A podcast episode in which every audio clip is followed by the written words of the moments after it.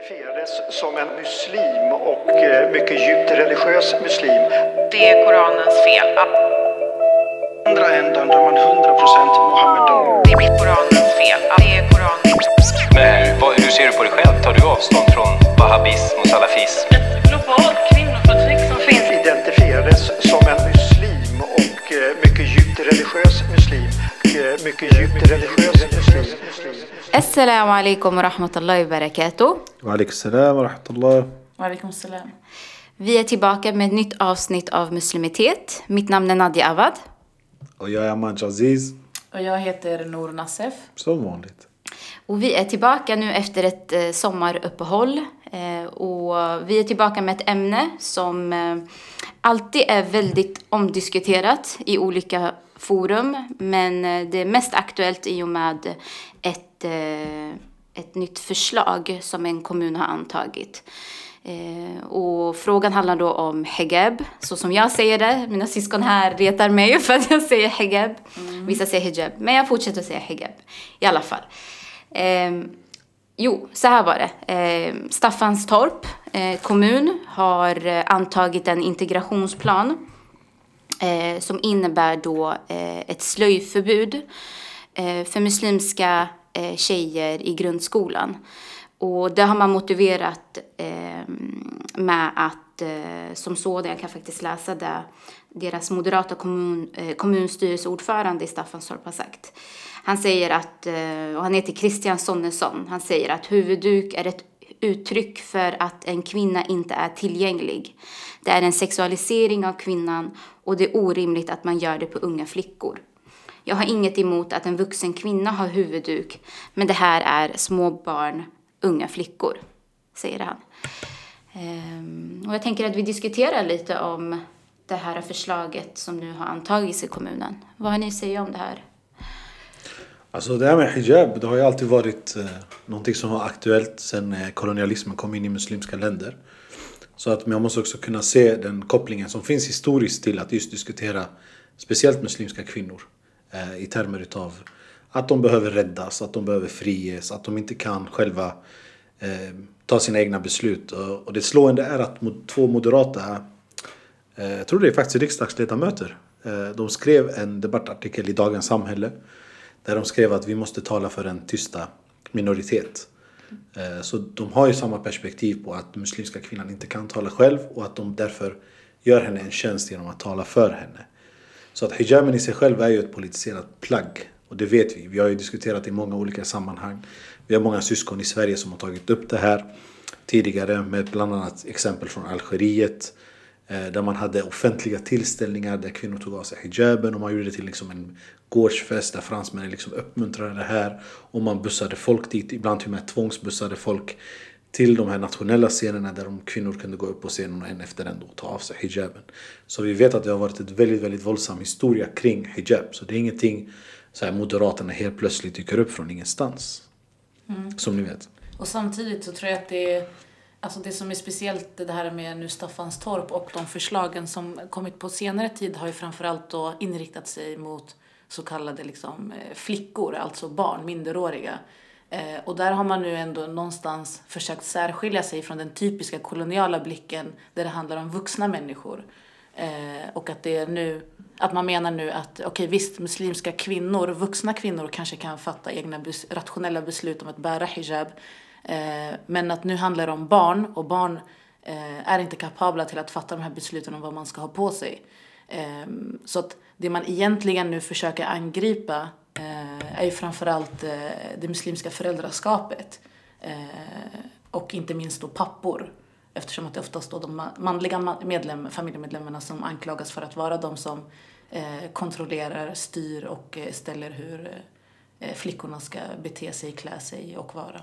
För det är det perspektivet som ofta saknas i debatten. Det är just, var kommer männen in i det här? Männen finns ju som flytande variabel hela tiden i den här debatten.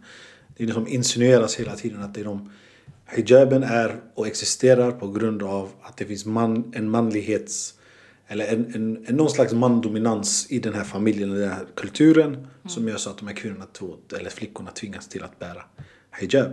Och som du läste upp, det här med sexualisering.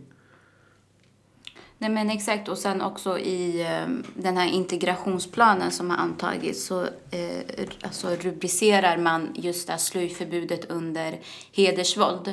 Vilket vi vet ju sen, eh, sen länge tillbaka hur just den diskursen om hedersvåld har ständigt upprepats som eh, ett sätt att eh, använda det som att eh, ja, men det används som ett medel för att moraliskt eh, ja, men kategorisera eh, vilka män som eh, beter sig korrekt och vilka män som inte beter sig korrekt. Och i det här sammanhanget så är det ju väldigt ofta som muslimska män ehm, eh, blir tillskrivna som, eh, som bakåt, som odemokratiska, som ojämställda.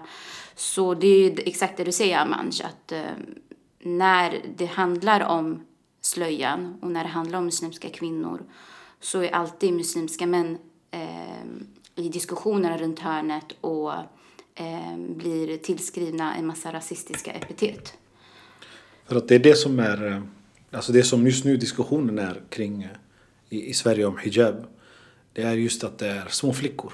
Och alltså männen som du nämner hamnar väldigt mycket i skymundan. Fast de finns där. Alltså det är ju de som attackeras genom kvinnan. Kvinnan används då som ett verktyg. Men vad säger ni, alltså bland muslimer? Vad tror ni själva att vi... Alltså det här idén om att flickor ska ha hijab eller inte hijab. Brukar inte folk säga ja men vi håller med det här förslaget? Ser inte ni också den här diskussionen att det ofta kommer upp på sociala medier att muslimer faktiskt säger och börjar diskutera jo men vi, vi håller ju med. Det är, Flickor ska inte ha hijab. Ja, och där blir det ju också att muslimer blir nästan tvungna, alltså jag tänker ex, eh, exempelvis på muslimer på vissa politiska positioner eh, i samhället, blir nästan till tving, alltså tvingade att offentligt ta avstånd ifrån eh, en, en, fall där Eh, slöjan används som ett maktmedel. Att exempelvis att man tvingar en flicka att ta på sig den eller flick, eh, tvingar en flicka att ta av sig den. Men eh, i det här fallet så handlar det om att vi då blir eh, alltså vi blir intvingade i ett maktspel där vi på något sätt också måste göra avkall på vår muslimska identitet för att vi inte ska ses som de här så kallade eh, om en ojämställda individer som, eh, som vill upprätthålla patriarkala samhället. Mm. För att det handlar om att kunna läsa mellan raderna. Alltså teologiskt så kan vi alla skriva under på att hijab ska vara självvalt. Alltså ingen av oss eh, liksom står för att eh, systrar eller flickor eller kvinnor eh, ska bli tvungna eller vara tvungna att bära hijab. Eh, men samtidigt är ju de här liberalistiska förslagen kring hijabförbud alltså det är symboliska ställningstaganden mot eh, muslims subjektivitet och jag tror att det är där liksom vikten måste ligga. Eh, För det handlar om att kunna kontrollera den muslimska religiösa utövningen som finns i bland annat, framförallt då i Europa. Eh, Så det handlar verkligen inte om att, eh, ja, men att vi försvarar eller tycker att små flickor ska bära hijab. Eh, utan vi måste kunna zooma ut och se vilka effekter de här förslagen egentligen leder till. Ehm, för vi har nyligen, jag tror att det var Muslimsk kvinna-kontot på Instagram som uppmärksammade en situation där en eh, flicka i, sko- i grundskolan skulle ha klassfotografering och där läraren och fotografen eh, sa till henne att hon inte får vara med på skolfotograferingen om inte hon tar av sig hijaben.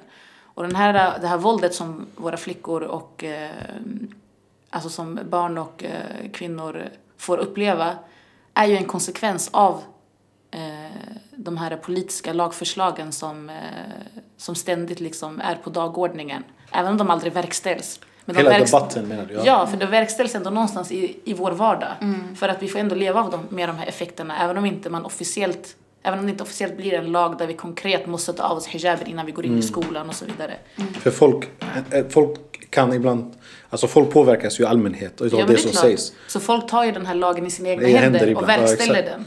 Ja, men precis. Och sen även i andra uttalanden som jag har läst från exempelvis socialdemokrater i eh, Staffanstorp kommun att man har sagt att man har typ avfärdat eh, det här införandet genom att säga att men vi har inte det här problemet med, eh, eh med eh, muslimska flickor som förtrycks på grund av att man har tvingat på dem slöjan för att eh, vi kan inte mäta dem i antal. Alltså man har på något sätt relativiserat det här äh, lag, inte lagförslaget utan det här införandet för att man då menar att man inte ens har det här problemet i kommunen.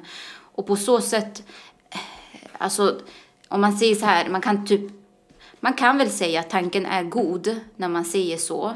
Men samtidigt så vet vi ju också att mellan raderna så innebär det inte ett, ett tydligt avfärdande av det här rasistiska införandet eh, i deras så kallade integrationsplan.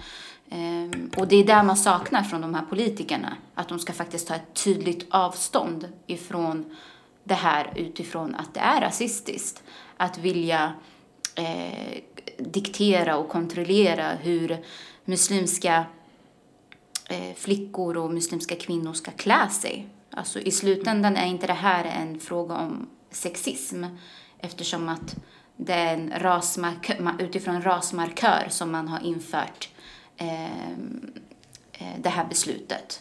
Just utifrån att det är nyanlända och kommer ifrån vanligtvis eh, det så kallade, ja, men, de så kallade länderna från öst. Mm, så det är egentligen, alltså nu när jag ställer den här frågan med att vissa muslimer tycker ju okej men, men det, det var ju fel i det här, vi tycker inte att flickor ska ha hijab. Så det är, vad ni menar då och som är viktigt att belysa här, det är att det är inte vad man tycker teologiskt som är viktigt här, utan det här får ju politiska konsekvenser för, för, för hur muslimer eh, kommer vara i samhället totalt. Alltså det kommer ju så som ni sa, att det kommer drabba även hur andra människor tar lagen i sina egna händer, vilka slags möjligheter man får i samhället. Vi vet redan att det är väldigt stigmatiserande eh, att ha hijab när man går på en arbetsplats. Det är väldigt lätt hänt att de börjar helt plötsligt ställa andra slags frågor eller blir lite tveksamma till att anställa en. Och nu har vi faktiskt en lag också i, i EU som gör så att arbetsgivare har ju faktiskt rätt att säga eh, nej, vi, vi, vi vill inte ha en, eh,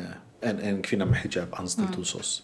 Och sen också att, vad heter det, om man använder motivet, alltså om, om man låter eh, motivet om att eh, hijaben är eh, en förtryckarsymbol eller det är ett sätt, eh, det används som medel för att förtrycka kvinnor och barn.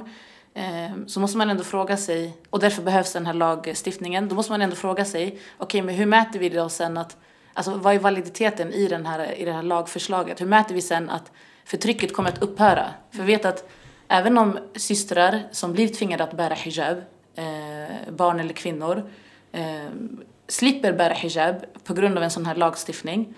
Alltså förtrycket mot dem, om de nu får, blir förtryckta hemma, kommer inte, det, det upphör ju inte. Nope. Alltså det är bara att de slipper ha en hijab på huvudet. Det är det enda. Men förtrycket upphör ju inte.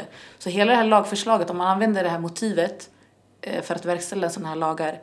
Alltså, den fyller ju fortfarande inte sin funktion. Funktion, Validiteten är liksom helt... eh, Och vi har exempel Ja. från alltså internationella globala exempel. Turkiet är ett av de länderna till exempel som tills nyligen har förbjudit hijab. Eh, och är speciellt i, i deras så kallade, vad kallas det, offentliga eh, Offentlig sektor. offentlig, sektor, skola och så vidare.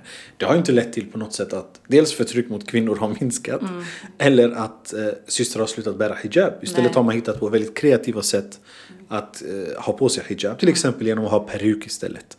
För att fortfarande kunna känna att man dyrkar Allah. För att i slutändan, alltså många systrar har ju det här som en dyrkan till Allah. Det här går ju ut från, utgår ju från någon slags att man anser att det här har en koppling till en dyrkan.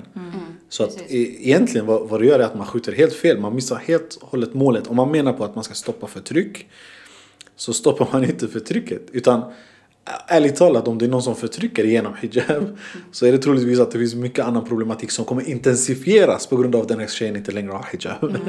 alltså det kan till och med bli åt andra hållet, tyvärr. Alltså det, det, det är en väldigt farlig situation man försätter egentligen eh, potentiella misstänkt, eh, po- potentiella förtryckta kvinnor i. Och när det inte funkat internationellt, när vi historiskt vet att det inte funkar, då undrar man oh, what the dealio? Vad är det som händer? Och det är därför det handlar om att kunna läsa mellan raderna. Är, är motivet verkligen att eh, på något sätt inom citationstecken befria den muslimska kvinnan eller barnet. Nej, det handlar om att någonstans då kunna begränsa den eh, muslimska religiösa utövningen, muslimsk subjektivitet, alltså få en kontroll över en massa som ständigt, eh, som ständigt förstås som ett problem. Precis, och det är just den här biten kring att det här införandet är ju inte absolut ett rätt eller korrekt sätt att gå tillväga för att bekämpa kvinnoförtryck eller bekämpa eh, sexistiska relationer och förhållanden och så vidare i samhället.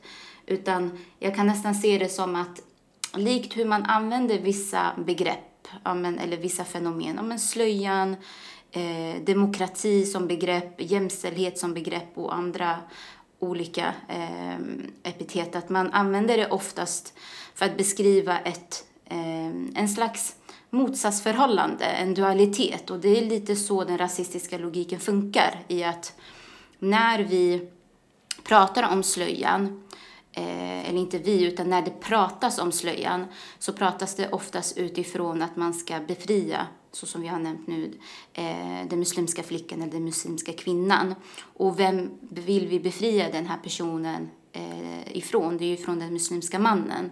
Och där innebär det att man har satt ett motsatsförhållande mellan vem det är som är den förtryckte och vem det är som är förtryckaren.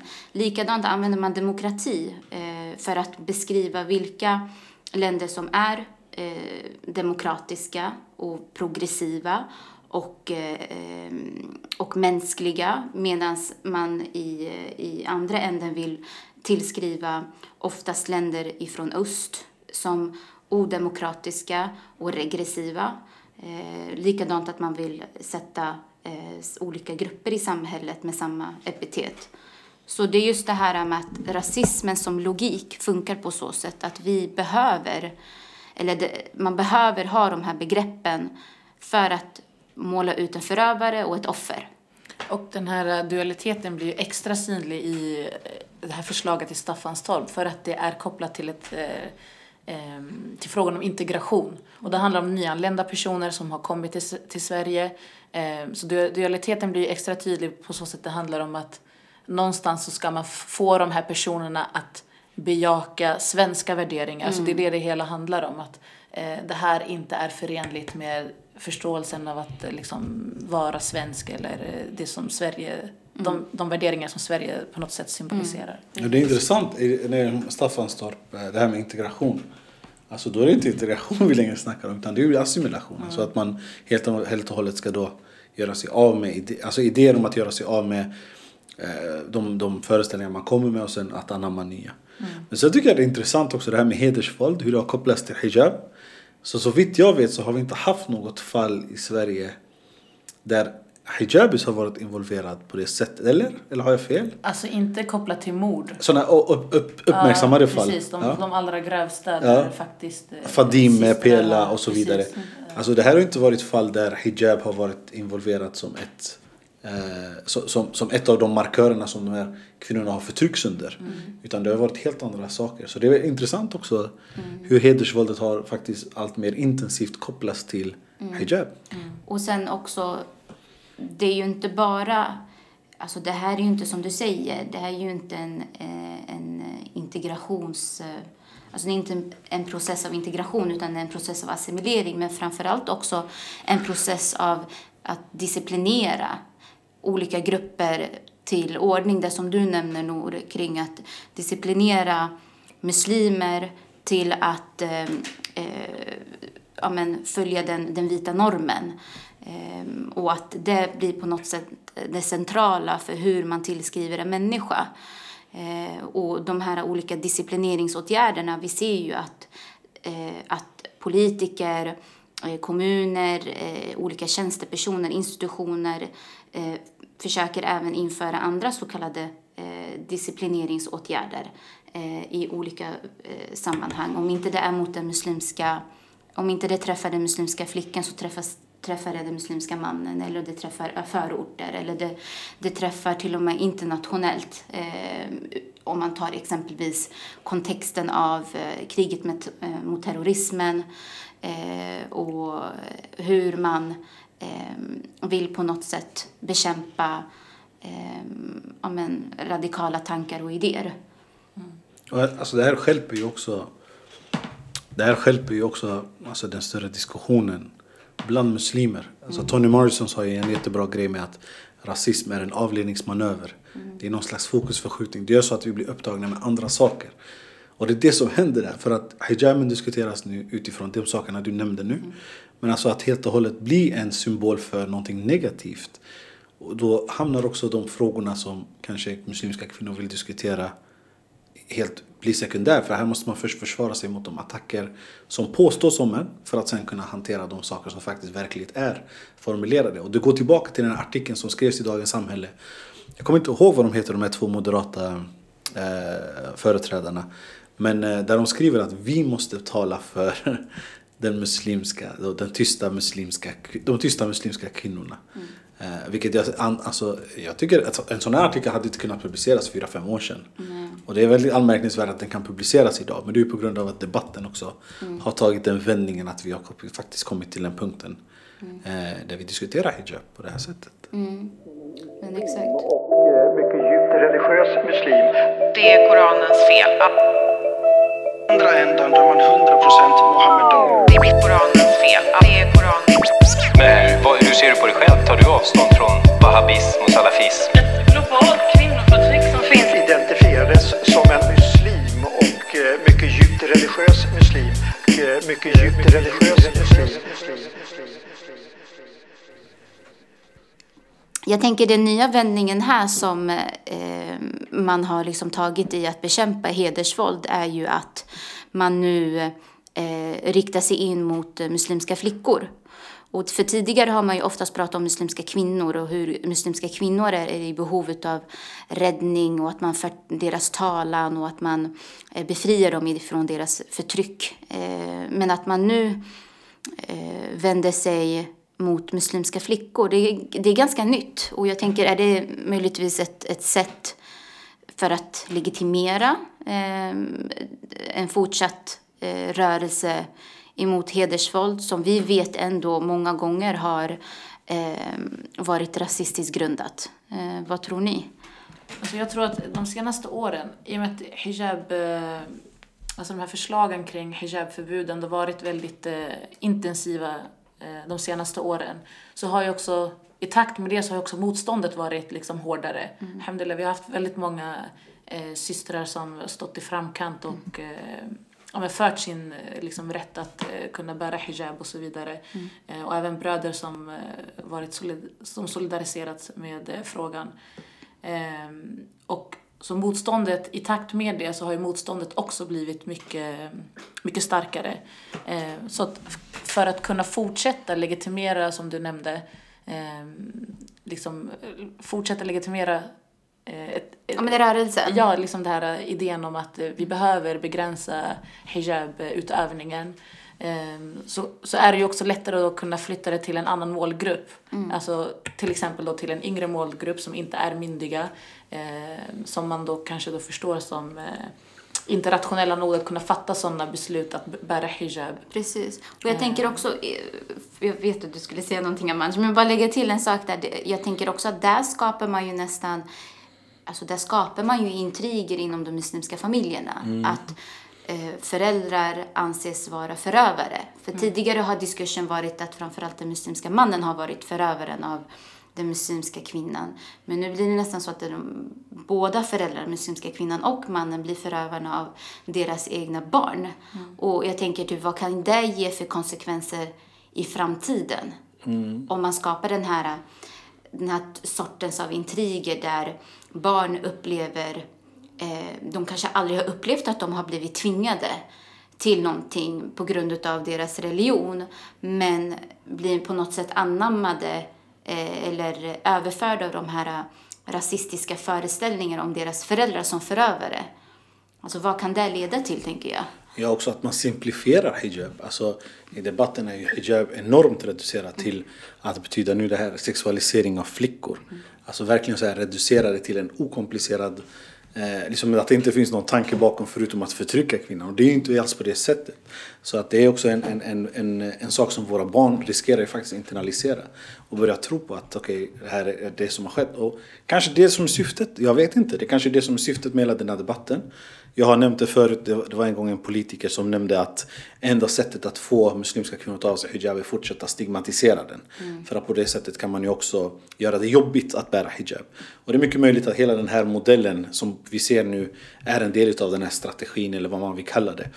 Men det här är jättefarligt för våra barn för att som muslimer så vet vi att hijab är en del av vår religion. Så det är inte någonting som borde vara kontroversiellt för oss. Så det som är jätteviktigt för oss muslimer i det här sammanhanget att göra det är att börja diskutera hijab, fine, gör det. Även diskutera vilken ålder och så vidare och när det är passande och när det inte är passande. Men att förstå i vilket sammanhang politiker kommer med de här förslagen. För att det är inte baserat på en teologisk förståelse om när puberteten når och när man ska ha hijab. Utan det är helt och hållet en, en, en attack på muslimer egentligen om man ska vara ärlig. Det här handlar om att man en gång i tiden som du sa Nor och även som du nämnt Nadia att man inte kunde nå eh, kvinnor. Och nu har man då justerat vidare det till flickor. Så att det är väldigt viktigt för muslimer att komma ihåg att det här är inte någonting nytt. Moderaterna eller Staffanstorp eller Sverige, de är inte först i världen på det här. De är, nu har vi under flera år diskuterat, nu blir, nu, nu blir jag lite långrandig. Men nu vill jag också säga en till grej.